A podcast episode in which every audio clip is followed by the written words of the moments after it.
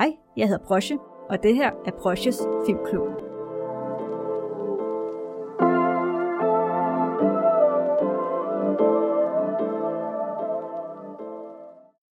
Hej og velkommen til en ny episode af Brosjes Filmklub.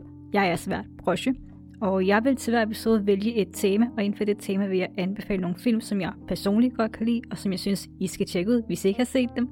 Men ikke nok med det, så vil jeg også til hver film komme med noget fakta inden for filmen, og det her fakta kan så handle om filmens produktion, eller filmens modtagelse, eller bare noget, som jeg generelt synes er ret spændende omkring filmen. Disney Plus er endelig landet i Danmark, og nej, jeg er ikke sponsoreret af Disney Plus, men jeg synes, det er fedt, at uh, streamingtjenesten er kommet til Danmark, hvor man kan streame ens favorit barndomsfilm eller serier, eller bare se andre Disney-producerede film og serier, der ikke har haft premiere her i Danmark. I sidste episode kom jeg lidt ind på Disney som selskabs og dens historie, og her nævner jeg blandt andet, at Disney købte selskabet Pixar i 2006. Derfor vil jeg dedikere denne episode til nogle af mine favorit Pixar og Disney Pixar film. Men inden da, så vil jeg gerne meget hurtigt snakke lidt om Pixars historie som selskab. Pixar blev grundlagt i 1979 og hed oprindeligt Graphics Group. Selskabet blev oprindeligt grundlagt af Ed Catmull, Alvin Ray Smith og Steve Jobs. Selskabet ændrede dog navn til Pixar i 1986. Pixar specialiserede sig primært i at lave CGI-animation, og fokuserede især på, øh, i starten i hvert fald på at lave reklamefilm, men selskabet lavede deres første CGI-animationsfilm i 1995 i samarbejde med Disney, som var Toy Story, og som også var en af de første CGI-animerede film i hele verden. Filmen blev også et øh, kæmpe succes, og det gjorde, at Pixar fortsatte med at lave flere CGI-animerede film, som fortsat var produceret af Disney, indtil Disney så købte selskabet i 2006 og slog det sammen. På trods af dette så blev man blandt selskaberne enige om, at Pixar stadigvæk ejede deres øh, egne karakterer og historie, hvilket også er derfor, at man øh, skældner mellem Disney Pixar produceret film og Disney produceret film. Det her det var så en meget kort fortælling om øh, Pixars historie, men jeg synes i hvert fald, at det er ret interessant, at selskabets primære fokus altid har været på CGI-animation, og CGI-animation kan også være virkelig flot, når det er produceret rigtig godt. Jeg kan selv både lide 2D og 3D-animeret film, der begge har været deres egen charme. Men ja, jeg elsker personligt Pixar og deres film, hvilket også er derfor, at denne episode er lidt speciel, i det jeg øh, tidligere har fokuseret på tre film i mine øh, podcast-episoder. Men i denne episode, så vil jeg faktisk fokusere på fire film, fordi jeg virkelig ikke kunne vælge tre Pixar-film, som jeg virkelig godt kan lide. Og øhm, samtidig så vil jeg til denne episode øh, komme med øh, fire fakta til hver film i stedet for syv, nu når jeg alligevel har inkluderet en ekstra film. Øh, ja, så det er sådan de primære ændringer til denne episode. Men når det er sagt, så lad os kaste os over den første Pixar-film, som jeg vil snakke om. Den har i den danske dubbing Mads Mikkelsen med, og så handler filmen stort set om monstre og døre. Det her det er Monsters Inc. fra 2001.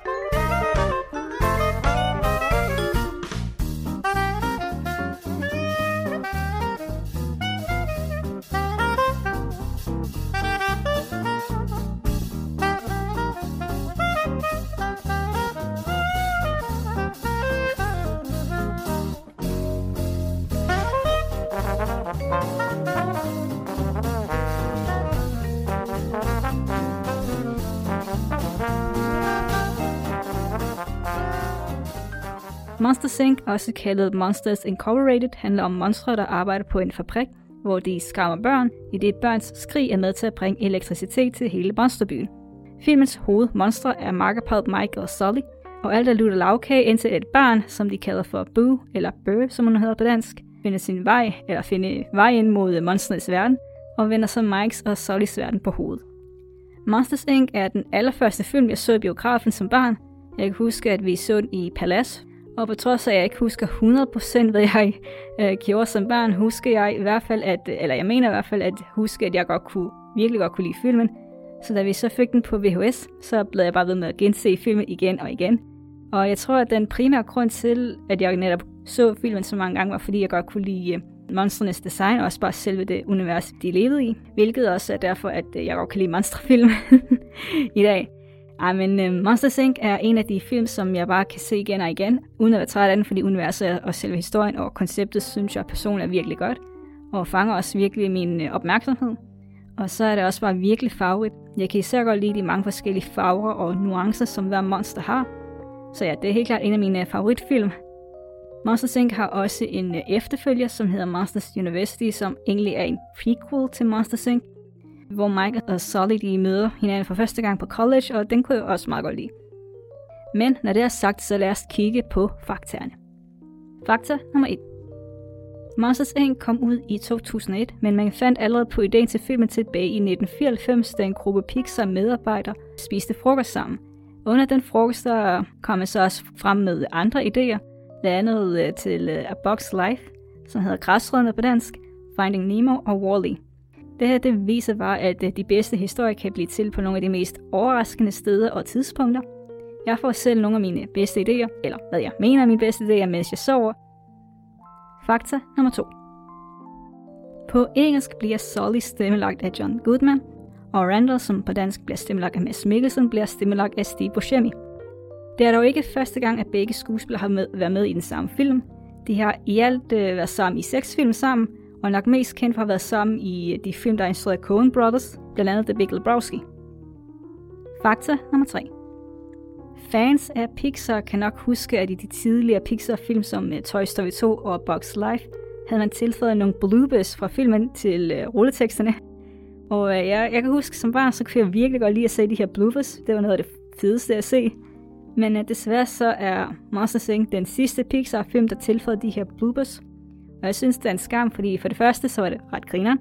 Og for det andet, så var det også den her form for meta, var også ret fedt at se, fordi det viste karaktererne i andre perspektiver, end hvad man så dem i filmen. Så ja, jeg synes, det er en skam, at de ikke laver de her bloopers. Jeg ved ikke, om de kommer til at lave dem igen, men hvis de gør, så håber jeg endelig, at de gør det. Fakta nummer 4. I scenen, hvor Sully tror, at Burr bliver knust af en skraldkompakter, laver Sully nogle grimasser, hvor han holder sig for øjnene. Disse grimasser og hele scenen generelt er faktisk en reference til en Looney Tunes kortfilm af Chuck Jones.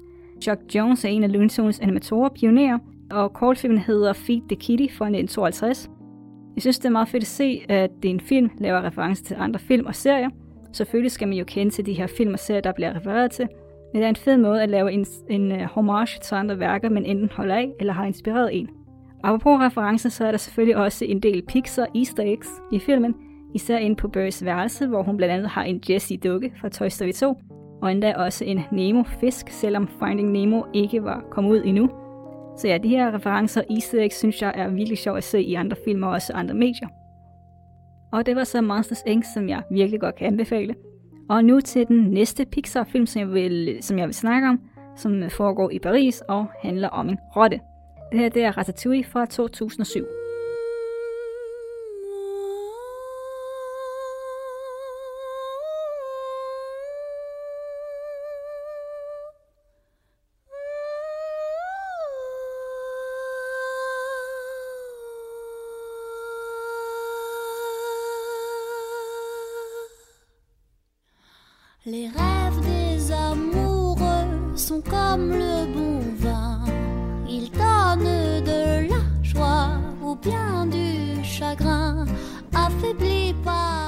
par... Ratatouille handler om rotten Remy, der elsker mad og drømmer om at lave mad og være en chefkok, men det kan han selvfølgelig ikke, fordi han jo er en rotte.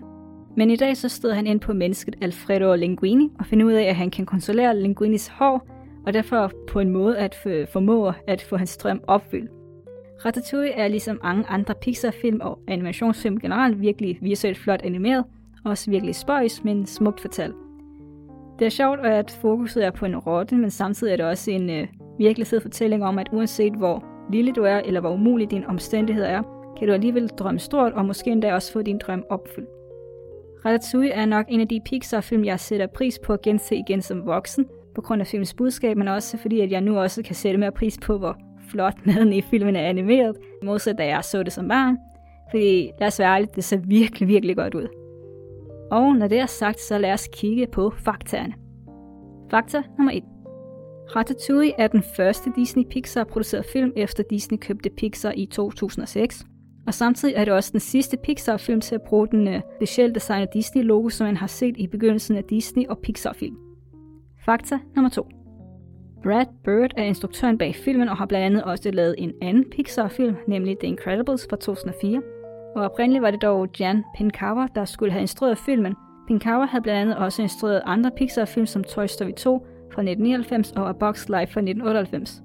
Pinkawa pitchede ideen til Ratatouille tilbage i 2001, men Pixar-ledelsen var dog ikke overbevist om, at historien holdte, så de afløste Pinkawa med Bird i 2005. Bird fulgte dog nogle af de originale designs fra Pinkawa, og også noget fra dens oprindelige historie. Det er selvfølgelig noget at blive afløst af en anden til at videreskabe ens idé, men nogle gange er det for det bedste, og jeg synes i hvert fald, at det endte med et godt resultat. Fakta nummer 3. Filmens antagonist er kokken Skinner, der er opkaldt efter den amerikanske psykolog B.F. Skinner. B.F. Skinner er mest kendt for at have bygget videre på Ivan Pavlovs forsøg og teorier om behaviorisme, men Skinner er også kendt inden for læringsteorien, og også blandt andet kendt for læring om at opnå resultat og straf. Han øh, undersøgte og lavede forsøg på rotter i forhold til, hvordan de ville reagere på deres omgivelse, og puttede dem også i nogle specielle buer, som han kaldte for Skinner Boxes. Det er selvfølgelig altid fedt at få en øh, karakter opkaldt efter en, også selvom det er skurken i filmen. Fakta nummer 4. Den ratatouille, som man ser i filmen, er designet af den amerikanske kok Thomas Keller, som også har en fransk inspireret restaurant i Kalifornien, der hedder The French Laundry, hvor nogle animatorer fra Pixar også tog hen for at lære, hvordan man lavede øh, bestemte retter til filmen. Ratatouille i filmen er en helt unik en, men man kan også selv lave den. Dog så tager det dog øh, fire timer om at få det lavet. Og personligt så kan jeg ikke bruge fire timer på at lave mad. Men øh, jeg vil helt klart prøve at smage ratatouille en dag. Ikke nødvendigvis den, der er fire timer om at blive lavet med, bare sådan en almindelig ratatouille. Det var så ratatouille. Nu skal vi gå fra at tale om mad og rotte til at tale om ballonger og hunde. Det her det er op fra 2009.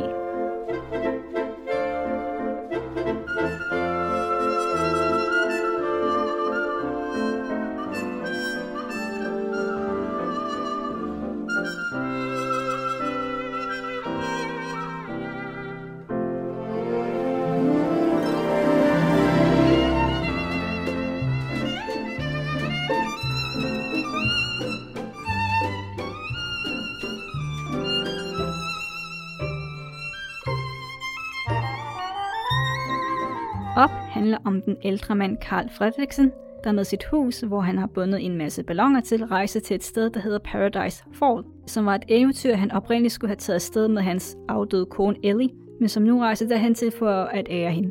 Dog viser det sig, at han faktisk ikke rejser alene, da en ung spider ved Russell også formåede at rejse med. Op er helt klart en af mine favorit Pixar-film, i det bare de første 10 minutter kommer til at holde karaktererne grine og græde, som i uh, virkelig meget græde, det er en af de Pixar-film, der har fået mig til at græde hurtigt i starten af filmen. Og samtidig så er der også en virkelig fed fortælling om, at en person kan være meget mere, end hvad de ser ud til. Og også, at uanset din alder, er det aldrig for sent at opleve en ny eventyr eller en ny oplevelse generelt, og bare leve livet. Det er også en meget farvet film, især når det kommer til miljødesignet af Paradise Fall, og den sjældne fugl Kevin, som de finder. Og med det, så skal vi kigge på faktaerne. Fakta nummer 1. Filmen er instrueret af Pete Doctor, der også blandt andet har lavet andre Pixar-film som øh, Inside Out fra 2015 og Monsters Inc. Og når det kommer til øh, den montage, som man ser i begyndelsen af filmen, så fik Doctor inspiration til den både fra folkene bag filmen og deres liv, men også fra andres liv, der er blevet on, øh, delt online, blandt andet på YouTube. Doctor fortæller i et interview, at han ikke anede, hvem de personer i, i selve videoen var, men lod sig rive med i deres hverdag og lod sig også derfor inspirere af det. Montagen helt klart en af mine favoritøjeblikke i filmen, fordi den virkelig formår at fortælle de forskellige højdepunkter og nedtur i Karls og Ellis liv. Og det får det også til at lære karakteren godt at kende, på trods af, at det ikke er en hel, masse information, der bliver tilføjet i den sekvens. Men det er stadig virke, virkelig godt og nok en af mine favoritsekvenser i film. Fakta nummer 2. Karaktererne er designet ud fra former, og øh, de former er også med til at repræsentere den enkelte karakters personlighed. Karl er for eksempel designet firkantet for at vise, at han er som en boks, og også meget selvisoleret, hvor Russell derimod han er designet mere rundt eller bare eller ballonformet for at vise, at han er energisk. Det er helt klart en af grunden til, at jeg virkelig, jeg virkelig godt kan lide animationsmediet, da man netop via øh, former og øh, design kan give udtryk til, hvordan en karakter er, blot ved at øh, kigge på karakteren. Fakta nummer 3.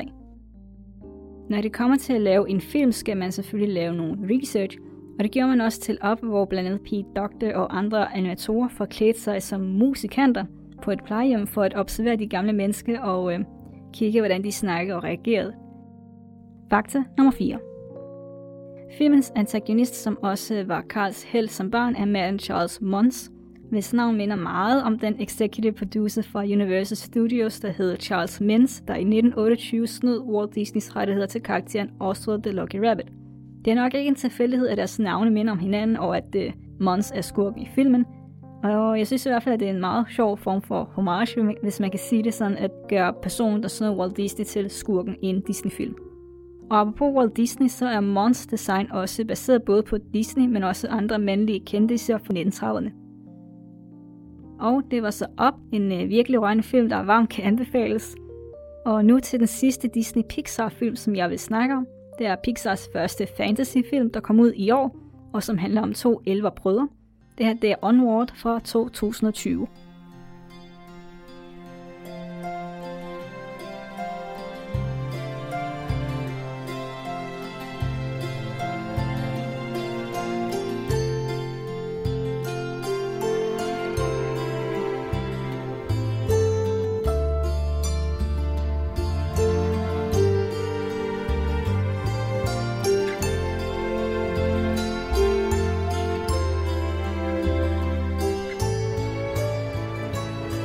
Onward, der på dansk hedder Fremad, handler om elveren Ian Lightfoot, der aldrig fik mødt hans far inden farens død, men på hans 16 års fødselsdag så får han mulighed for at møde hans far via en magisk stav.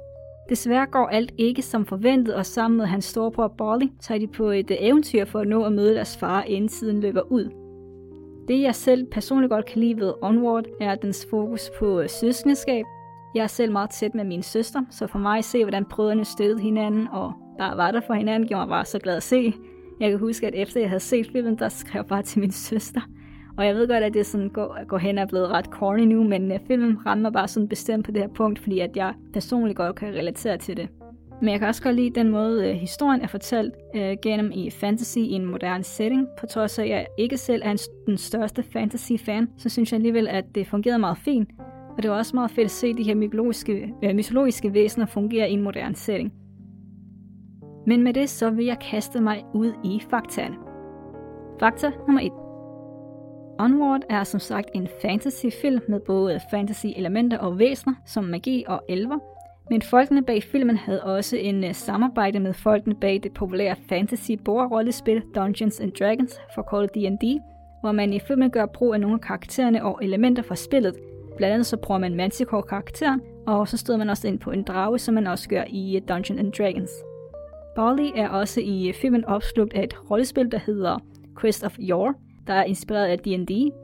Og man har også hos Disney planlagt at gøre Quest of Yore til et øh, virkeligt spil, så der er noget at glæde sig over, hvis man er til rollespil. Jeg har aldrig selv spillet D&D. Jeg har stødt på det online, og det ser også ud til at være virkelig populært, i hvert fald online. Men det, jeg synes faktisk, at det også ser ret sjovt ud, og ja, jeg, jeg har ikke noget imod at øh, prøve spillet en dag, på trods af, at jeg ikke er den største fantasy-fan. Fakta nummer 2. I filmen har Barley en vogn, hvor der er en øh, indgjørning indjørning malet på, som resulterer resulterede i, at Pixar faktisk blev sagsøgt af en kunstner, der påstår, at øh, Pixar har stjålet vedkommendes idé. Kunstneren forklarer, at tilbage i 2018 havde en producent fra Pixar, som arbejdede på Onward, lavet en vogn fra kunstneren, hvor kunstneren også havde malet en indjørning på vognen. Men øh, efter kunstneren så havde set billeder af Ian og Barleys vogn i 2019, hvor man reklamerede for filmen, sagsøgte kunstneren Pixar for ophavsovertrædelse. Jeg kan ikke finde nogen opdateringer angående serien, så jeg ved ikke, om det stadigvæk er kørende, men jeg har set billeder fra både kunstnerens vogn og øh, filmens vogn, som sammenlignet med hinanden. For trods af, at de begge har den samme farvede indjørning, kan jeg ikke rigtig se den store lighed. Jeg er selvfølgelig ikke advokat, og jeg kan også godt forstå fra kunstnerens side, at det er virkelig nederen at få ens værk stjålet. Men jeg mener selv i forhold til denne her sag, er der ikke så meget snak om med ophavs overtrædelse, da vognens design ser så forskelligt ud. Men det kan være, at jeg tager fejl, det kan også godt være, at Pixar de netop taber sagen. Ja, I don't know. Det må man se senere. Fakta nummer 3. Apropos indjørning, så er indjørningerne, som man ser i filmen, ikke den typiske afbildning af indjørning, som man typisk ser i animation. Typisk så bliver indjørning afbildet som majestætiske, Filmens afbildning af indjørning er faktisk baseret på den første myte om indjørninger, hvor de øh, bliver beskrevet for at være aggressive og øh, ikke kan tændes. Fakta nummer 4. Ian Lightfoot bliver stemmelagt af Tom Holland, og Barley Lightfoot, Lightfoot bliver stemmelagt af Chris Pratt, hvor Holland nok mest kendt for at spille øh, Peter Parker i Spider-Man, og Pratt for at spille Star-Lord i Guardians of the Galaxy. De har også sammen været med i andre film, primært Marvel-filmene som Avengers Infinity War og Avengers Endgame. Jeg synes, at begge er fede skuespillere og også fede stemme skuespillere. De har også stemmelagt andre animationsfigurer. For eksempel har Chris Pratt stemmelagt Emmett i The Lego Movie, og Tom Holland har stemmelagt Walter i Spice in Disguise. Og det var så Onward, som jeg virkelig godt kan anbefale, især hvis du kan lide fantasy. Og det var også alt, hvad jeg havde for denne gang af Proshes Filmklub. Tak fordi I lyttede med, og jeg håber, I vil tjekke nogle af de her fede Pixar-film og Disney Pixar-film ud, eller ikke, det må I selv om. Jeg vil nu kigge efter nogle af mine yndlings Pixar moments, og enten grine eller græde, afhængig af hvilken scene det er. Så ja, det, det var alt for i dag. Tak igen, og vi ses til næste episode. Hej hej!